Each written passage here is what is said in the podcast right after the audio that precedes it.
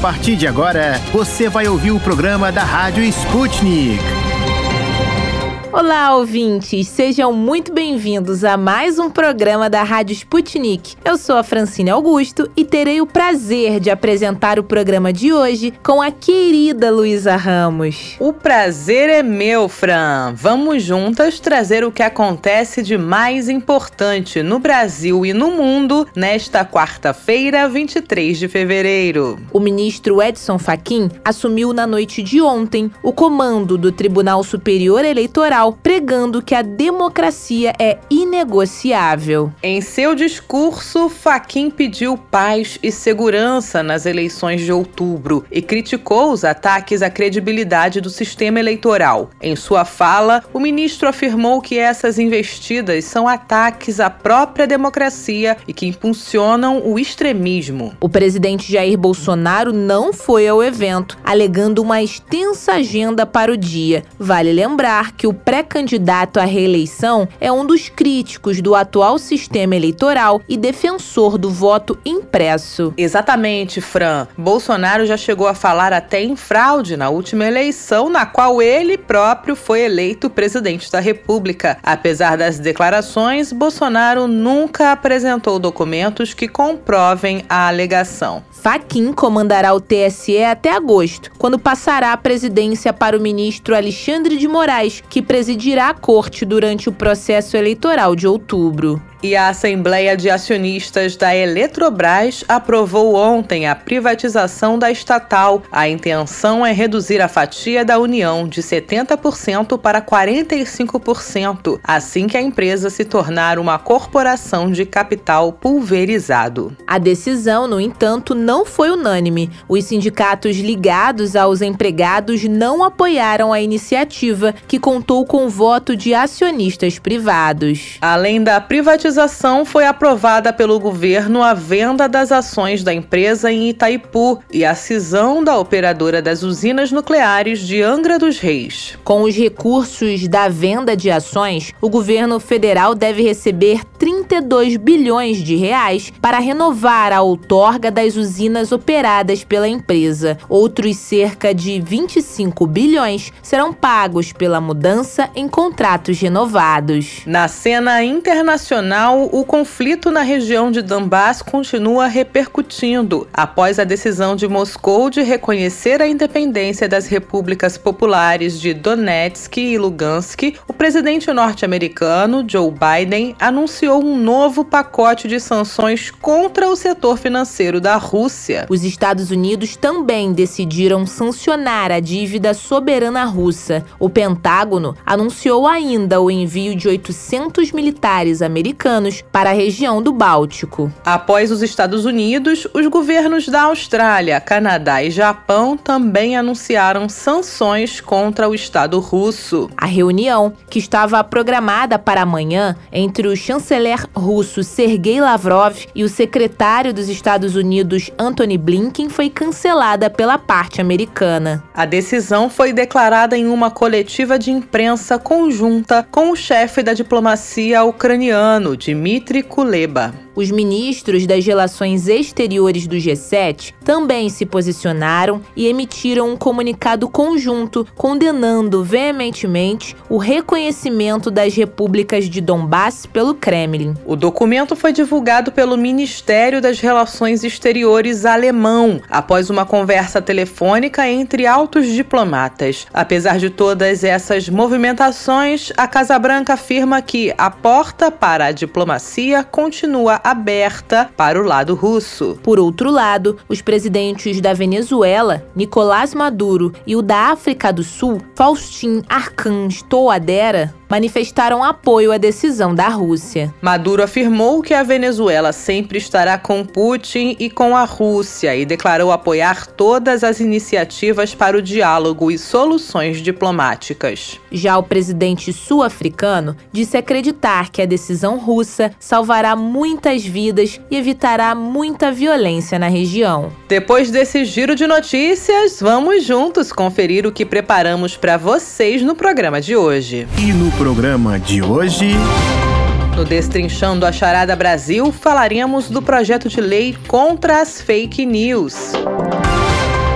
No quadro Esqueceram de Mim em Portugal, falaremos das viagens para a capital do país lusitano que estão em alta nas buscas feitas por brasileiros em vários sentidos.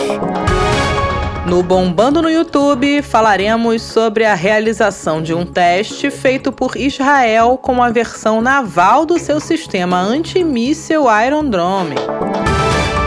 No Destrinchando a Charada Internacional, vamos entender o que pode acontecer com brasileiros recentemente presos no exterior.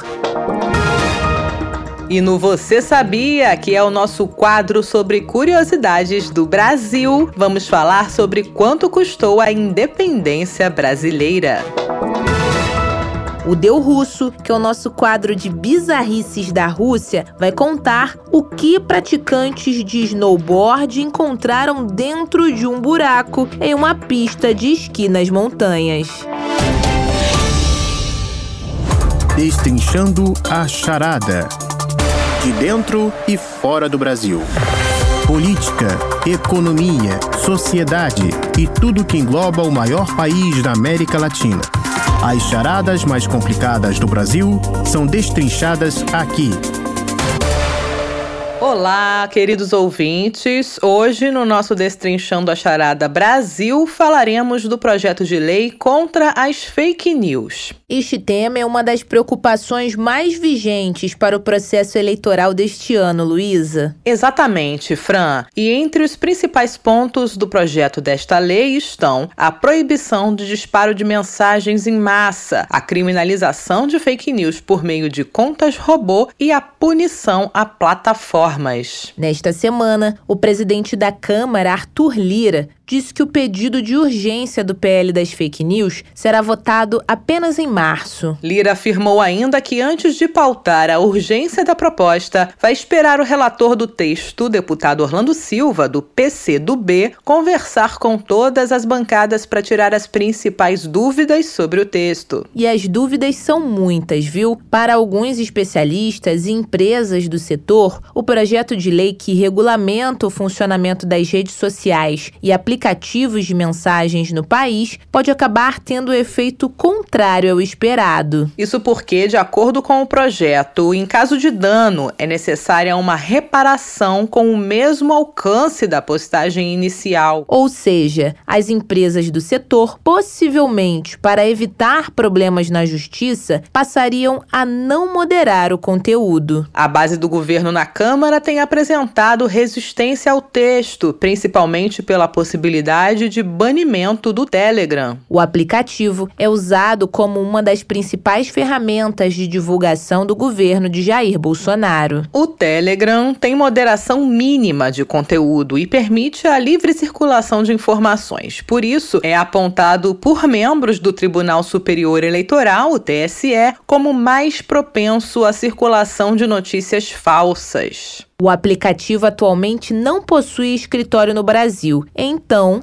Caso a lei seja aprovada, a plataforma entraria imediatamente em ilegalidade, podendo ser suspensa e bloqueada mais facilmente. Para discutir este tema, a gente convida agora o Teófilo Rodrigues, que é cientista político e professor da Universidade do Estado do Rio de Janeiro. Olá, professor. Oi, professor. Agradecemos por conversar com a Rádio Sputnik. Teófilo, como você analisa toda a condução desse projeto de lei até agora? O que se chama PL das Fake News é um projeto que foi aprovado no Senado em 2020 como uma tentativa de resposta contra aquela famosa disseminação de fake news nas redes sociais que ocorreram nas eleições né, de 2018. Após ser aprovado no Senado, esse projeto chegou na Câmara dos Deputados, onde passou a ser relatado pelo deputado Orlando Silva, do PCdoB lá de São Paulo. É preciso dizer que o deputado Orlando Silva fez um trabalho muito sério relatar esse PL,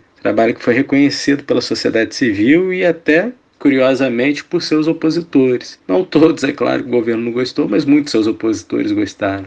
Orlando Silva convocou de fato na sociedade civil, então a coalizão por direitos na rede, o FNDC, Barão de Tararé, dezenas de outras organizações foram convidadas para que ele soubesse de fato o que precisaria ter naquele projeto. E é o resultado de tudo isso, né, dessas dezenas de audiências públicas, muitas conversas, que está pronto agora para ser votado na Câmara. Entre as medidas que estão ali nessa proposta relatada pelo deputado Orlando, que, enfim, ainda vai passar pelo crivo das bancadas partidárias, mas que em breve deverá chegar ao plenário, entre essas propostas tem a limitação do envio de mensagens em redes sociais, para que não haja aquele envio para centenas de pessoas ao mesmo tempo, maior transparência dos provedores e da moderação de conteúdo, transparência da publicidade e dos impulsionamentos nas redes, a exigência de uma representação legal dessas empresas internacionais de comunicação no Brasil, o caso do Telegram é justamente sobre isso que se trata, né? Também trata da criação de um novo tipo penal para casos de disseminação em massa de fatos inverídicos. Enfim, uma série de mudanças muito importantes que, se forem aprovadas, certamente irão aperfeiçoar a nossa democracia. E o fato de ser um ano eleitoral pode dificultar a tramitação do PL na Câmara, professor? Em outros casos, o fato de ser um ano eleitoral poderia atrapalhar sim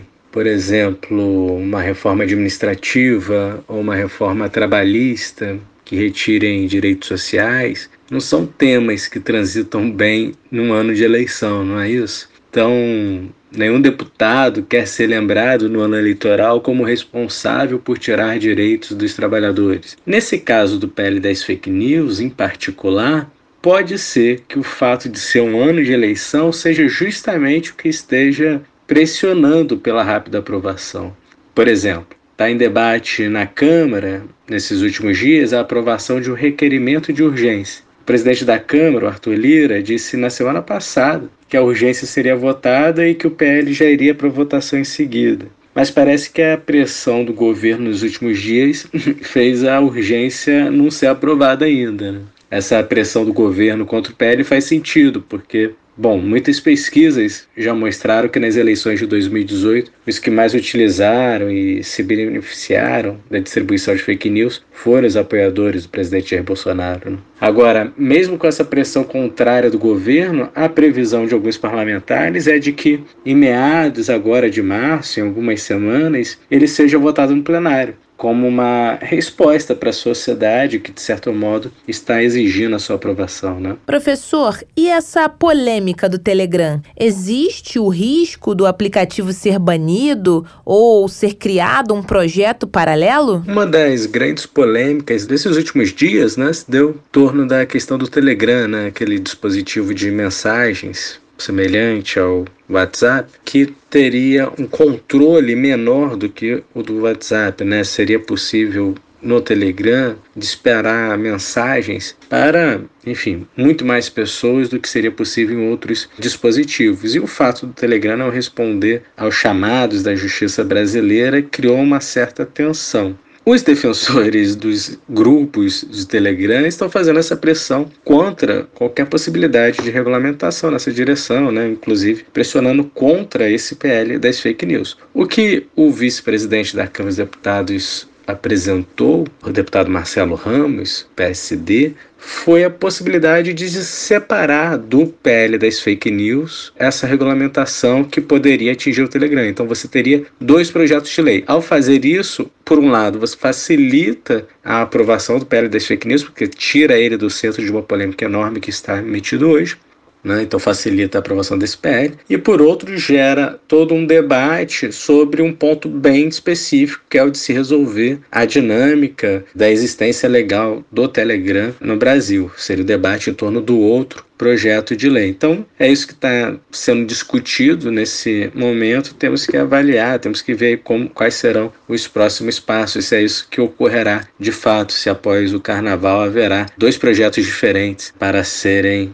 voltados ou não. Mas é uma possibilidade que está em jogo, sim, a partir de agora, né, a partir dessa recente fala do vice-presidente da Câmara, o deputado Marcelo Ramos. Professor Teófilo, na sua opinião, o projeto de lei das fake news sendo aprovado seria considerado um, aspas, divisor de águas das eleições no Brasil? Ou na prática a situação pode ficar apenas no papel? Olha, eu não considero que a aprovação do PL fique apenas no papel. Pode haver consequências práticas sim. Mas também não consideraria como um divisor de águas. Me parece que seria mais um projeto, né, mais uma medida, mais uma ação na longa história de construção da nossa democracia. Seria mais um passo em favor da nossa democracia, mas certamente não um divisor de águas. Este foi o Teófilo Rodrigues, cientista político e professor da Universidade do Estado do Rio de Janeiro. Obrigada pelos esclarecimentos. Bom, sabemos da importância das novas tecnologias e como o acesso à informação é importante, principalmente em um universo plural. Mas as mentiras e desinformações precisam ficar de lado, não é, Fran? Com certeza Luísa, devemos priorizar a qualidade e a verdade, principalmente durante a escolha de um candidato. E assim encerramos o nosso Destrinchando a Charada Brasil de hoje. Até amanhã.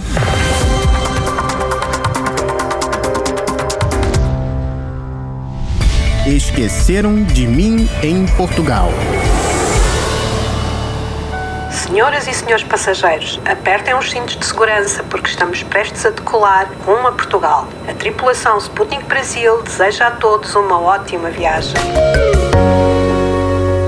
Vamos lá dar as notícias da terrinha portuguesa com certeza. E hoje tem a ver justamente com viagem, Fran. É mesmo, Lu? Conta mais. A capital portuguesa, Lisboa, foi o destino internacional mais procurado por brasileiros em 2021, segundo a plataforma de busca de viagens Kayak. No pódio da plataforma aparece em segundo lugar Cancún, no México, e em terceiro Buenos Aires, na Argentina. Que legal! Será que viajar para Portugal tá mais barato, por isso alta procura? Antes fosse, Fran, mas o levantamento realizado também revelou que entre as 10 cidades estrangeiras mais procuradas pelos brazucas, a capital portuguesa foi também a que apresentou o maior preço das passagens durante o período, uma média de R$ 3.581. Salgado, hein? Mas por que será que, mesmo com altos preços, Lisboa é tão desejada pelos nossos conterrâneos como destino de férias? Geralmente, esse tipo de ranking não é qualitativo, Fran, mas o que eu sempre ouço dizer é que Portugal é muito desejado como destino de viagem, principalmente para brasileiros que vão sair pela primeira vez do país, por conta da facilidade de comunicação e por não ser um país com inverno rigoroso, como outros países países europeus. Ah, verdade. Eu, por acaso, inclusive penso parecido.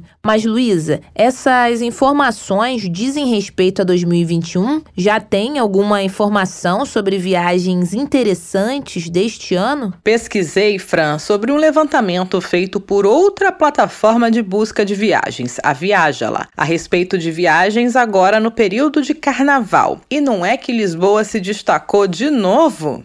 É, com o cancelamento do carnaval no Rio de Janeiro e em várias cidades do Brasil, realmente viajar para fora do país pode ser uma solução, né, para curtir a folia. Afinal, vários destinos, como até Portugal, só dependem agora de atestado de vacinação para acesso. E aqui no Brasil, já temos mais de 70% da população com o esquema vacinal completo contra a Covid-19, o que pode ser um fator animador para planejar aquele alívio do trabalho. Isso mesmo, Fran. A confiança na vacina parece estar bastante aparente, pelo menos nas buscas por viagens internacionais no período carnavalesco, que neste ano vai do dia 26 de fevereiro, próximo sábado, até 2 de março, quarta-feira de cinzas. Segundo o buscador, entre 7 de janeiro e 15 de fevereiro, houve um aumento de 100% na procura por voos internacionais para este carnaval em relação ao mesmo período do ano passado. Mas o destaque de Lisboa não é muito positivo no bolso, não, Fran. Quem quiser passear nas ruas lisboetas deve preparar o limite do cartão de crédito. Caros ouvintes, voos com destino ao aeroporto da capital portuguesa ficaram em primeiro lugar no quesito variação de preços e para cima. Os bilhetes estão 88% mais caros na comparação com o carnaval de 2021.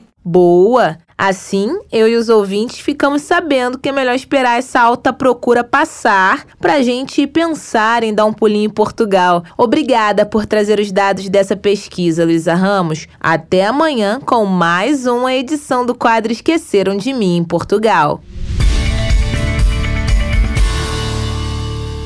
Bombando no YouTube curtidas e mais curtidas da Rússia ao Brasil. Confira com a Rádio Sputnik os vídeos que receberam mais likes e visualizações e estão no topo do YouTube.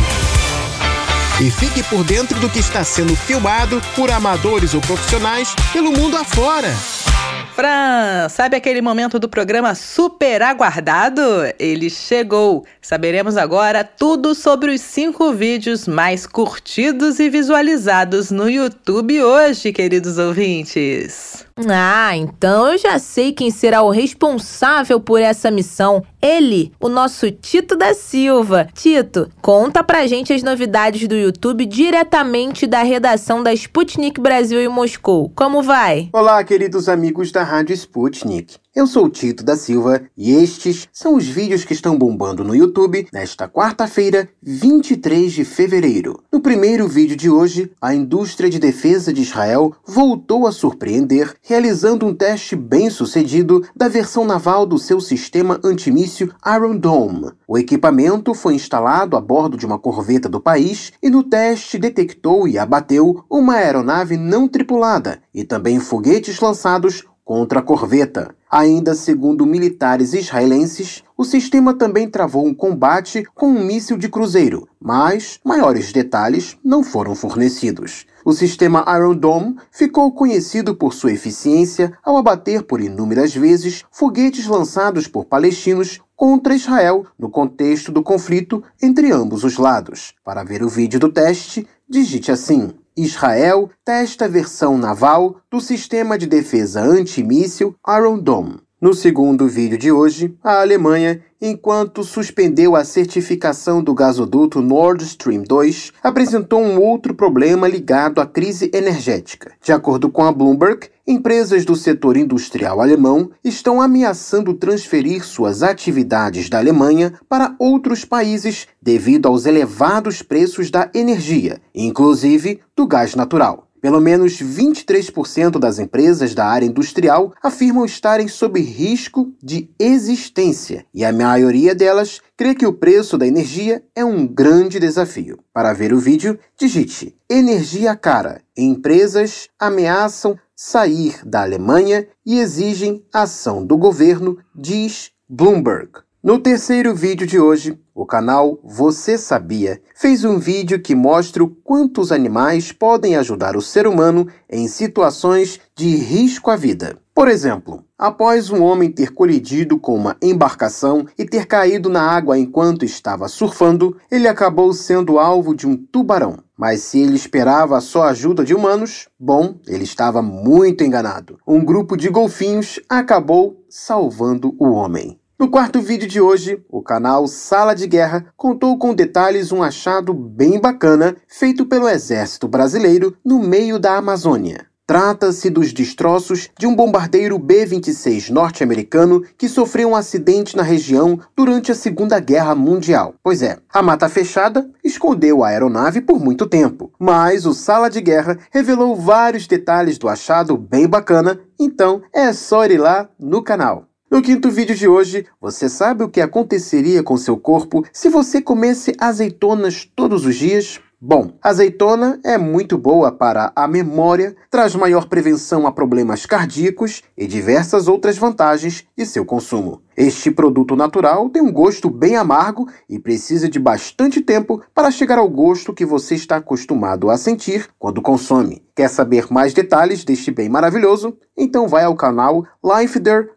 Português. E por hoje é tudo, pessoal. Até mais! A respeito do que o Tito disse dos testes da defesa de Israel, o país argumenta que essa atitude serviria para agir contra elementos iranianos e para se defender contra as armas constantemente atualizadas. E essas tentativas incluíram disparos de foguetes, ataques de mísseis de cruzeiro e veículos aéreos não tripulados. De acordo com as forças de defesa de Israel, o tiro ao vivo foi um marco importante e demonstra a capacidade operacional da Marinha de Israel. E eles alegam ainda que tudo se trata de uma defesa dos ativos estratégicos e os interesses vitais do Estado de Israel contra ameaças atuais e em evolução. Situação delicada, viu? Tito, muito obrigada pelo top 5 do YouTube. Até mais!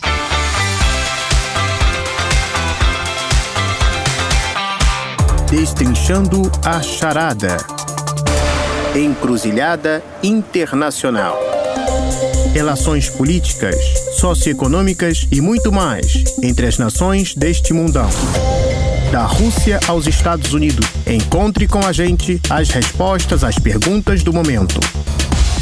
Na nossa segunda entrevista do programa de hoje, vamos entender o que acontece com brasileiros que cometem crimes no exterior, não é isso, Fran? Isso aí, Lu. O motivo é a notícia que rendeu manchetes na mídia nacional na semana passada sobre a brasileira Letícia Vilena Ferreira, presa nos Estados Unidos por ter invadido a sede do legislativo do país, o Capitólio, isso em janeiro de 2021. A engenheira ambiental e mais dois cidadãos brasileiros foram identificados na participação na invasão e devem responder a processos. Samuel Camargo e Eliel Rosa são os outros dois brasileiros. Samuel foi detido no mesmo mês do ocorrido, depois de divulgar imagens dele próprio na invasão. Já Eliel foi condenado em outubro do ano passado e cumpre um ano em liberdade condicional, mais multa de 500 dólares. Letícia, que estava entre os apoiadores do ex-presidente Donald Trump, contrários à vitória do democrata Joe Biden na ocasião, acabou detida na última quarta-feira, dia 16, depois de identificada pelo FBI em imagens das câmaras de segurança e ainda tem seu destino incerto. A partir desse caso que veio à tona na semana passada, surgiram questões sobre o que acontece com brasileiros que cometem crimes fora do território nacional e quais são seus direitos e quem julga o crime ou os crimes, né? Para destrincharmos essa charada, convidamos o advogado, consultor e escritor Tiago Tifaldi, mestre em ciências sociais e especialista em direito constitucional. Tiago Tifaldi, muito obrigada pela sua participação participação no nosso programa hoje. Bom, Tiago, inicialmente a gente quer saber qual é a situação quando um cidadão brasileiro é preso por crimes fora do país, como o caso da Letícia, no Capitólio. Quem julga o crime que ela cometeu? A tua pergunta, ela se baseia na aplicação da legislação penal. Aqui no Brasil a gente tem dois institutos que dialogam aí um pouquinho para a gente compreender o caso. No Capitólio, após a incitação do presidente Donald Trump em virtude das eleições e da sua derrota para o atual presidente Joe Biden. Esses dois institutos são territorialidade e extraterritorialidade. Para territorialidade, então diz lá o artigo 5 do nosso Código Penal brasileiro: aplica-se a lei brasileira sem prejuízo de convenções, tratados e regras do direito internacional ao crime cometido no território nacional. Então aqui estamos falando de Estado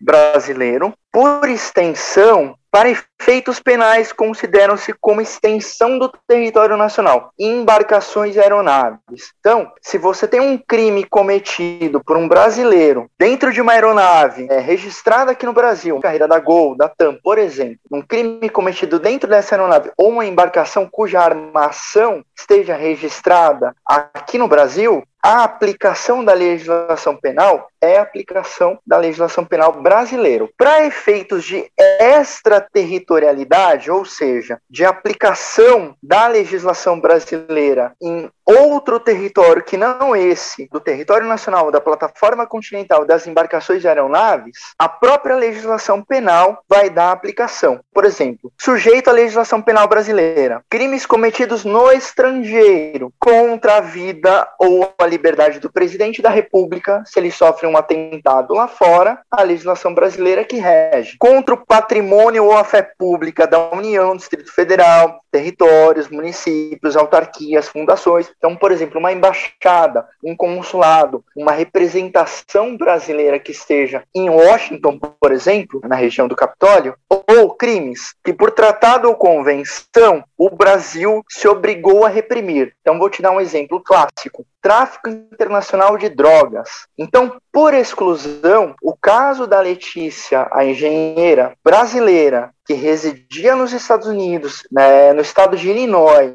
se deslocou de Illinois para Washington, D.C. e participou no dia 6 de janeiro de 2021 da invasão ao Capitólio, esse ato praticado por uma brasileira nos Estados Unidos rege-se às leis norte-americanas. A engenheira de 32 anos está legalmente nos Estados Unidos com visto de trabalho ela é acusada por dois crimes, que é entrar ou permanecer conscientemente em qualquer edifício restrito, sem motivos ou autoridade legal, e a entrada violenta e conduta desordeira do terreno do Capitólio. O fato de ela estar de forma legal nos Estados Unidos pode ajudá-la a ter uma pena menor ou não ser tão prejudicada? Essas acusações referem-se à legislação norte-americana, à segurança de Estado, à segurança nacional e a proteção relativa aos Estados Unidos na América. Então, essa brasileira, por mais que ela tenha um visto de trabalho nos Estados Unidos, ou seja,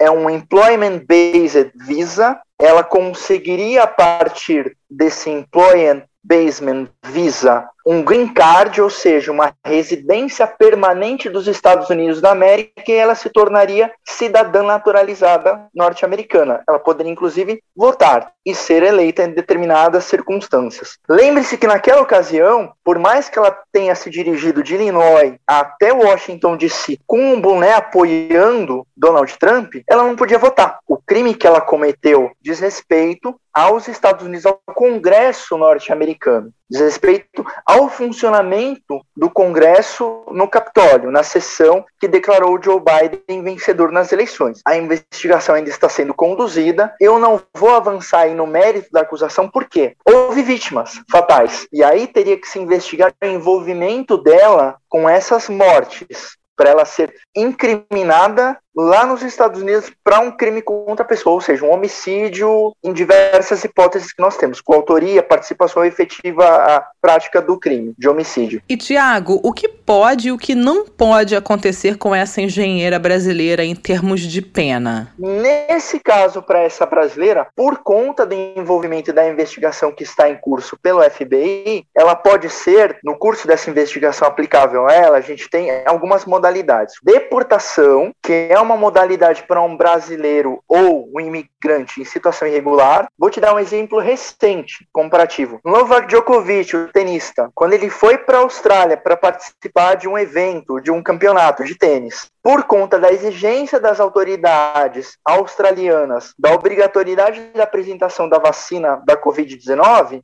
ele foi deportado. Ou seja, nada contra o sujeito Novak Djokovic. Não é subjetivo, não é pessoal. Ele simplesmente não cumpriu uma formalidade. É uma questão de soberania. Esse é um primeiro caso de direito internacional. Um segundo caso, que poderia ser aplicado aqui no caso da Letícia Vilhena Ferreira. Extradição, que é o cometimento de um crime num país diferente. Vou te dar um outro exemplo. Robinho, o jogador de futebol, cometeu, participou da prática de um crime na Itália. Tramitou o processo inteiro na Itália. A questão do Robinho é que o Robinho deixou a Itália, veio para o Brasil, e aí nós temos uma regra que não está na legislação penal, mas está na Constituição, mesmo ele tendo cometido um crime lá não se extradita brasileiro nato. No caso dele, não se aplica essa regra de extradição, como aconteceu, por exemplo, do italiano Cesare Battisti. Ah, Letícia Vilhena Ferreira é brasileira nata, está em processo talvez de naturalização norte-americana, com visto de trabalho, etc. Por isso que a discussão criminal dela ainda está em aberto. O que eu estou te falando aqui, primeiro são as hipóteses que não se encaixam: deportação e extradição, ok? Ela está inclusive nos Estados Unidos sob égide da legislação norte-americana a outra regra, que é um conflito aparente de normas, diz respeito ao Tribunal Penal Internacional, que é uma regra chamada de surrender, ou entrega. Então, você não tem uma jurisdição que é de apelo ou duplo, terceiro, quarto grau de jurisdição no caso de um tribunal penal internacional. Por quê? O crime que está sendo investigado, o cometimento desse crime, diz respeito à humanidade. É o que a gente chama em juridiquês de conflito aparente de normas, porque parece uma extradição. É a aparência de uma extradição, mas não é. Como o Brasil aderiu por convenção ao Tratado Internacional, as cortes internacionais, então tá perfeito. No caso dessa brasileira, hipótese que eu julgo mais provável de acontecer, é claro. A investigação está em curso, ela está sendo acusada formalmente, ela está nos Estados Unidos da América, provavelmente uma situação talvez de expulsão. Expulsão é o caso de um imigrante regular, com toda a documentação idônea, perfeita, mas que por uma regra de cometimento de uma prática que não condiz com o Estado que o recebeu, ele passa a ser, digamos assim, uma persona não grata. É mais prático para esse Estado soberano bani-la, vamos dizer assim, considerada impedida de entrar nesse país, talvez do que julgar e, e, prosseguir numa investigação desse porte. Agora, sobre penas de morte ou prisão perpétua, temos outro caso atual, o da brasileira Mariellen Coelho da Silva, de 21 anos, detida na Tailândia, acusada de tráfico internacional de drogas. De acordo com as leis locais, a estudante corre o risco de enfrentar até uma pena de morte. Tiago, países como os Estados Unidos e a Tailândia possuem pena de morte, mas aqui no Brasil não. Existe realmente essa possibilidade de brasileiros que cometem crimes fora do território nacional serem submetidos à pena capital? É possível, e aí você tem uma questão de reciprocidade entre estados que são soberanos, aí você tem uma questão de soberania. Então, o caso da brasileira na Tailândia está apelando à reciprocidade, está apelando ao Itamaraty para verificar a possibilidade de uma comutação, digamos assim, do ilícito que ela cometeu no estrangeiro aqui no Brasil. E aí no Brasil,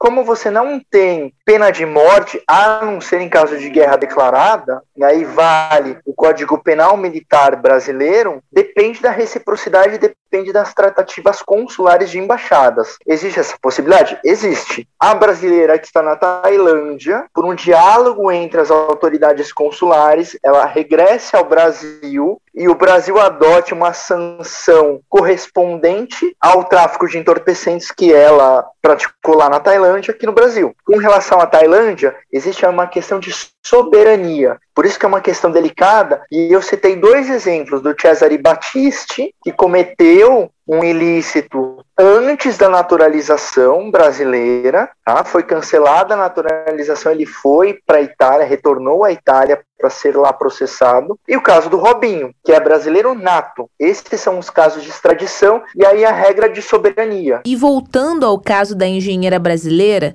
a Letícia, nos Estados Unidos, neste caso, ela não poderia ser condenada a uma pena capital, né? No caso dessa brasileira, de novo, não temos o surrender, que é um caso de crime contra a humanidade. Ela não praticou um crime contra a humanidade, ela praticou um crime contra instituições, contra o Congresso, contra o funcionamento oficial do Congresso norte-americano e tem previsão na legislação norte-americana. E ela está nos Estados Unidos, o que provavelmente, depois da responsabilização nas múltiplas esferas nos Estados Unidos, ela pode vir a ser expulsa ou banida. Por que múltiplas esferas? Vamos supor, por especulação e por hipótese, dentro do Congresso Nacional, essa brasileira danificou uma estátua, danificou algum patrimônio dos Estados Unidos da América. Então ela tem uma responsabilidade patrimonial, uma responsabilidade civil com relação a esse patrimônio que foi dilapidado, que foi destruído. Está sendo apurado também na investigação a participação, eventual participação dela nos cinco óbitos que ocorreram dentro do Capitólio no dia 6 de janeiro. Então, vamos verificar se houve crime contra a pessoa, homicídio tentado, homicídio consumado. Então, uma esfera de responsabilização penal ou criminal.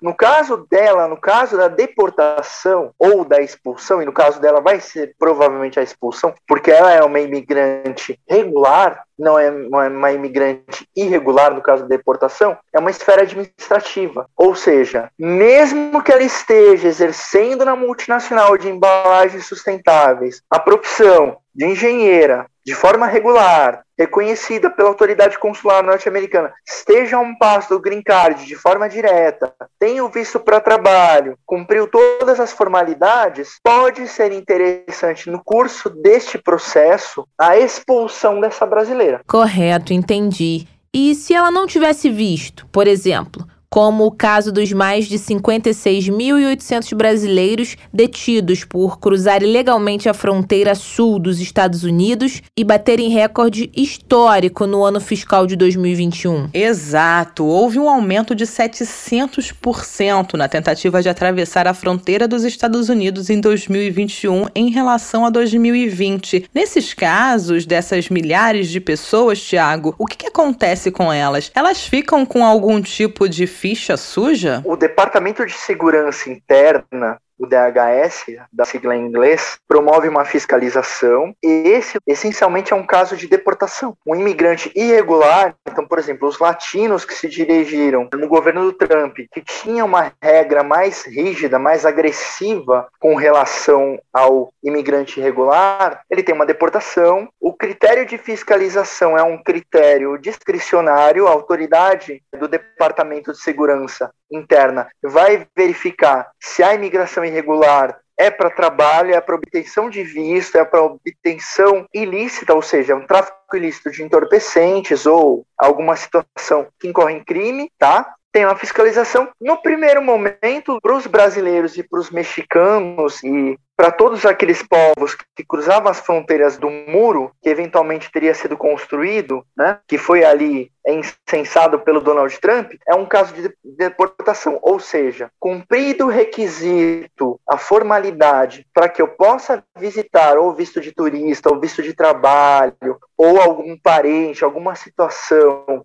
que bem seja uma fiscalização regular, imigrante regular. Caso contrário, é impessoal. Não é pessoal, não fica, como você disse bem, ficha suja. E nem poderia. Construindo essa formalidade, obtendo essa formalidade, ele ingressa regularmente. Está autorizado ali como turista, como visto temporário para trabalho, enfim. Ele passa a ser um, um imigrante regular. Certo. Em resumo, não fica com a ficha suja. E logo que esse cidadão consiga se regularizar, pode acessar o país. Agradecemos muito as suas respostas hoje, Tiago? Falamos hoje com o Tiago Tifaldi, mestre em Ciências Sociais e advogado especialista em Direito Constitucional, que vai lançar o seu livro em breve. Fiquem atentos, ouvintes. Ditadura Residual é um livro que procura responder à proposta que está nas manifestações públicas mais recentes e que está no discurso oficial do governo. Bastante interessante. Quem sabe não rende mais uma entrevista aqui no nosso programa. Agradecemos mais uma vez. Até a próxima.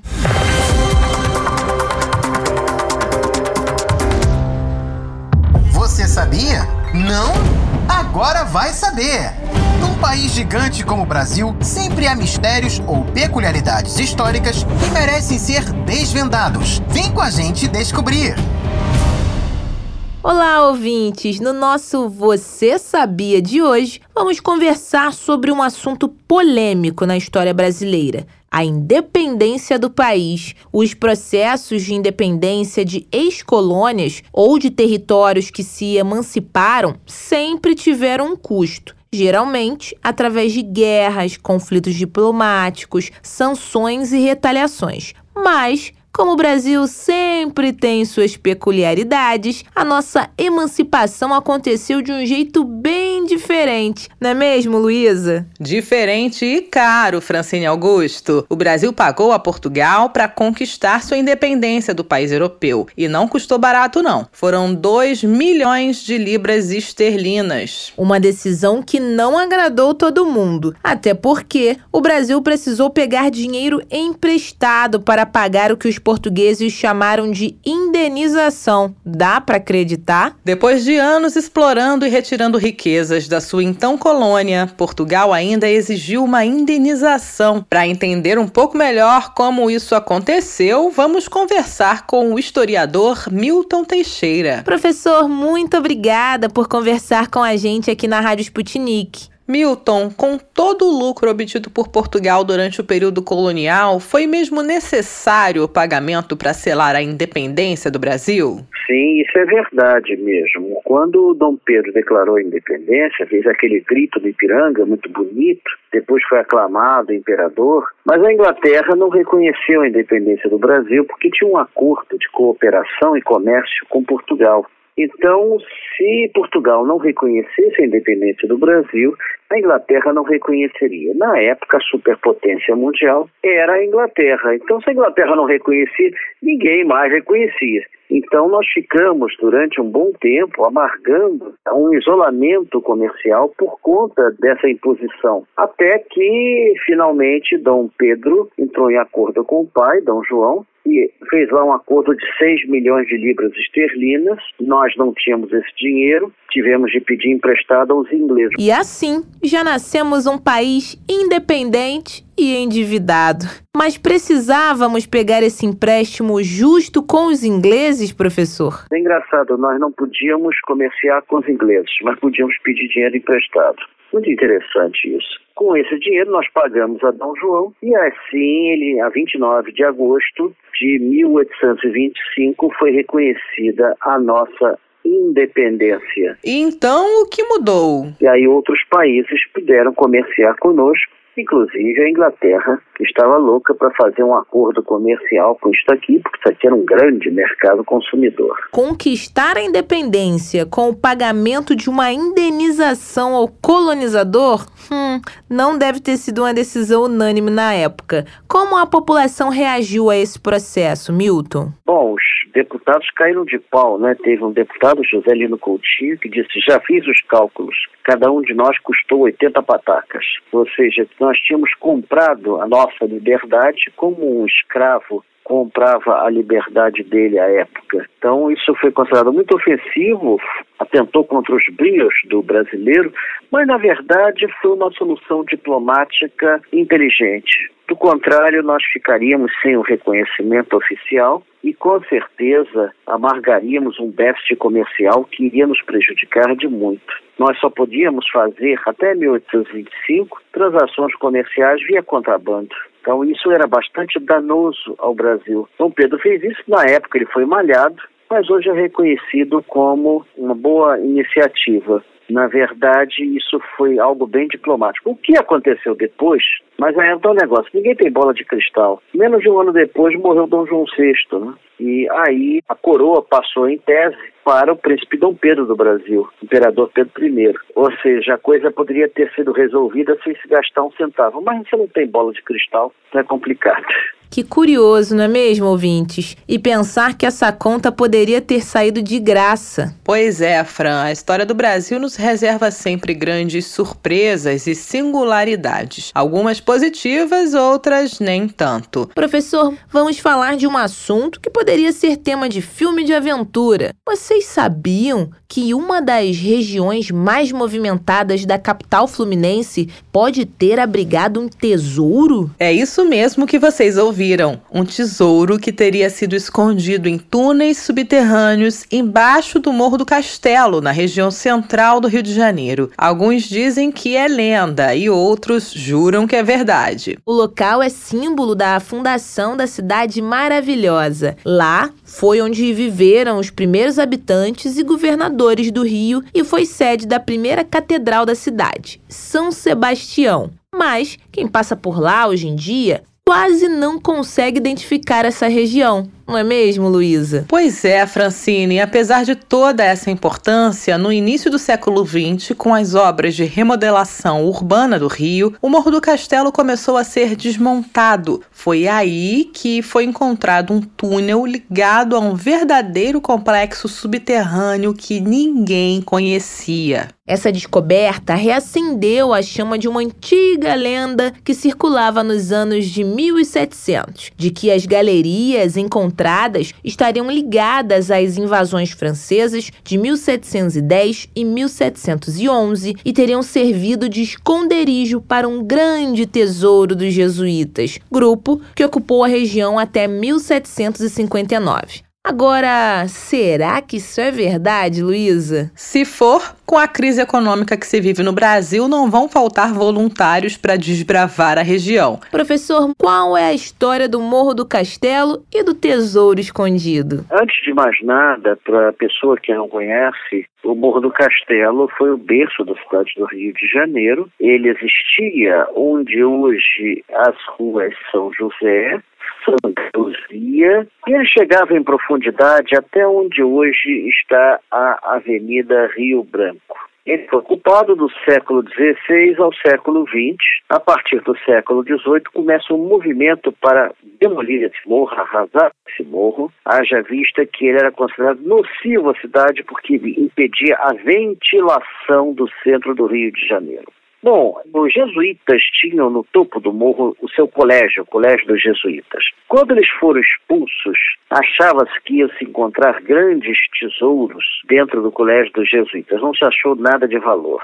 Então acreditava-se que eles tinham sido enterrados no morro. E sempre houve a lenda dos tesouros do Morro do Castelo. Essa lenda ganhou força quando, no início do século XX, ao fazer um corte no morro, achou-se uma caverna feita artificialmente. Então, essa caverna chamou muito a atenção e as pessoas acorreram para lá e tudo mais. A prefeitura até apareceu dizendo que era dona do tesouro, porque a obra era da prefeitura. No final, não se achou nada. Posteriormente, quando o morro foi demolido entre 1920 e 1922, Achou-se mais túneis, mas não se achou nenhuma moedinha de ouro. Tudo não passou de uma lenda, como aliás geralmente são as lendas de tesouros. Elas não se apoiam em bases muito sólidas. A verdade é que piratas e tudo mais, essas pessoas tinham ciência dos perigos da época e geralmente distribuíam ouro ou investiam em obras e não ficavam com moedas ou com nada de valor consigo. Geralmente era assim. E foi o que aconteceu. Os jesuítas nunca mostraram ter um tesouro realmente. Na verdade, eles se dedicavam aos pobres e assim sempre foram e são até hoje. Até a prefeitura acreditou. É verdade que os jesuítas tinham alguns negócios no Rio de Janeiro, né? Mas pelo visto, nada que justificasse a guarda de um grande tesouro, não é isso, professor? Não, o maior tesouro do Rio de Janeiro é o seu povo. Na verdade, na verdade, na verdade, se tiver algum tesouro por aí, estará no fundo do mar, com certeza, porque muita gente roubou essa terra e muitos navios afundaram. Mas aqui também não há estímulo para isso, porque todos os bens encontrados debaixo d'água pertencem à União. Então não há muito estímulo para você investir em arqueologia subaquática. Afinal, com o fim das obras de desmonte, sobrou algum resquício desse complexo? E o que foi de fato encontrado? Bom, o morro foi demolido e com ele as galerias, né? Foi tudo junto. Existem fotografias belas assim. Encontraram objetos de madeira, encontraram caixões, mas não encontraram nada de ouro. Isso tudo foi lendário assim não encontraram nada. Interessante é mais ou menos a história dos templários. Ninguém nunca encontrou o tesouro dos templários, como também ninguém nunca encontrou o tesouro dos jesuítas. Professor, existem outras lendas de tesouros em outras regiões do país? Sempre houve. Existe um mapa do século XVI que aponta a existência de um tesouro no Morro Caradicão, no morro onde está a fortaleza de São João, no Pão de Açúcar. Mas quem é que vai cavar ali? Aquele terreno da União. Você não vai ter direito a nada. Então, não há estímulo para isso é melhor confiar no seu trabalho. É a única coisa certa que nós temos, porque de tesouro mesmo, acho que nós não vamos ver nada. Então, realmente, até segunda ordem, não precisamos investir em um kit de escavação, não é mesmo, Francine? É melhor seguirmos o conselho do Milton mesmo, em que será mais seguro, Luísa. Muito obrigada, Milton, por participar da nossa programação. Esse foi o historiador Milton Teixeira, estimados ouvintes. O nosso Você Sabia de hoje fica por aqui. Voltaremos em breve com outras histórias e peculiaridades desse gigante que é o Brasil. Até mais!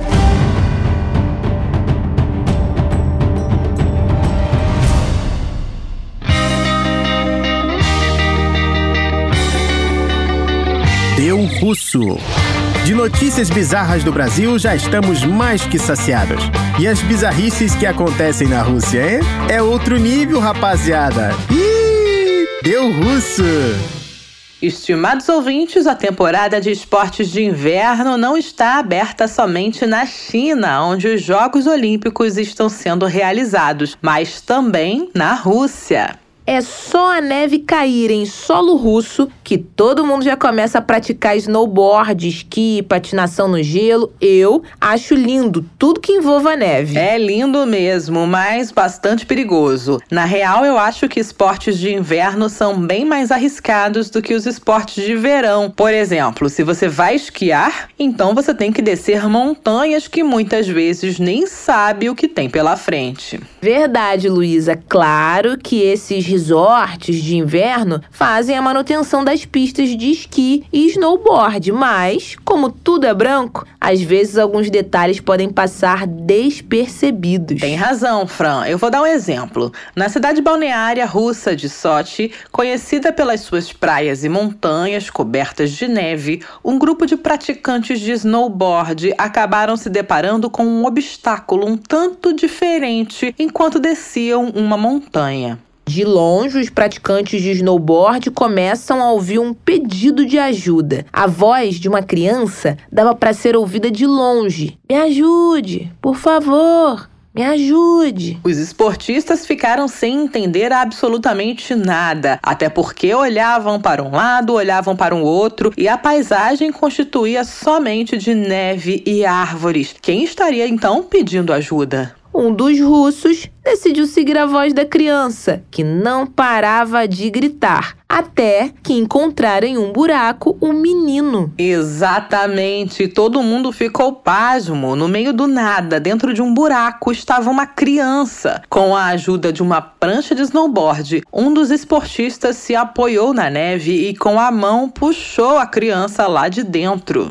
O menino explicou que estava mais de meia hora dentro do buraco, caros ouvintes. E ele foi parar lá quando não percebeu a curva na pista quando estava esquiando. Bateu na rede de proteção e acabou caindo bem no buraco. Pelo menos não tinha um precipício, mas um buraco que acabou segurando o Russinho lá dentro. E os minutos foram se passando e o Russinho se cansando de gritar, porque detalhe, quem pratica snowboard ou esqui em montanhas acaba usando um capacete de proteção e uma máscara que cobre toda a cabeça para resistir ao frio.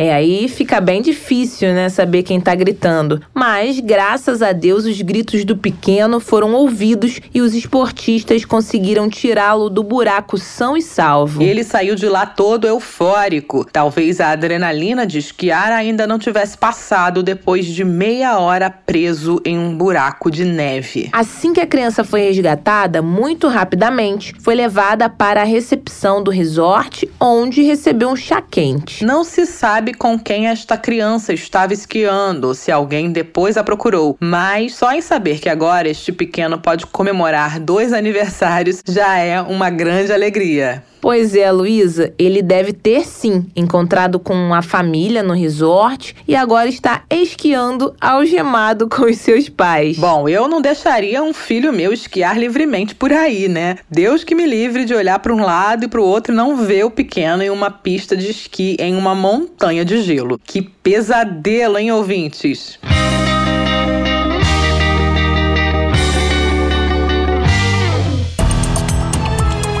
Hora de dar tchau.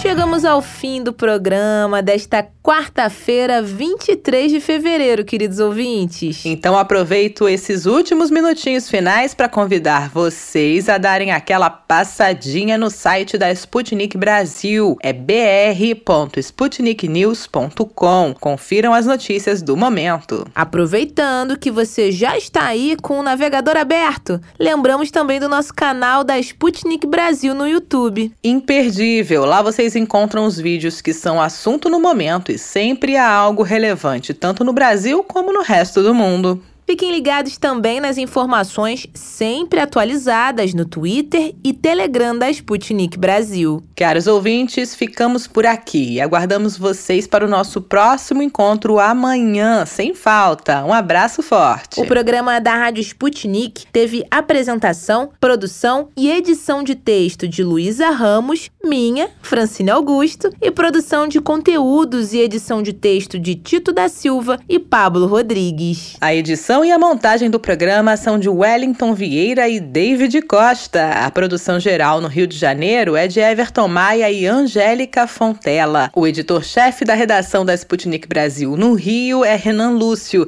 e em Moscou, Konstantin Kuznetsov. Você acabou de ouvir mais um programa da Rádio Sputnik.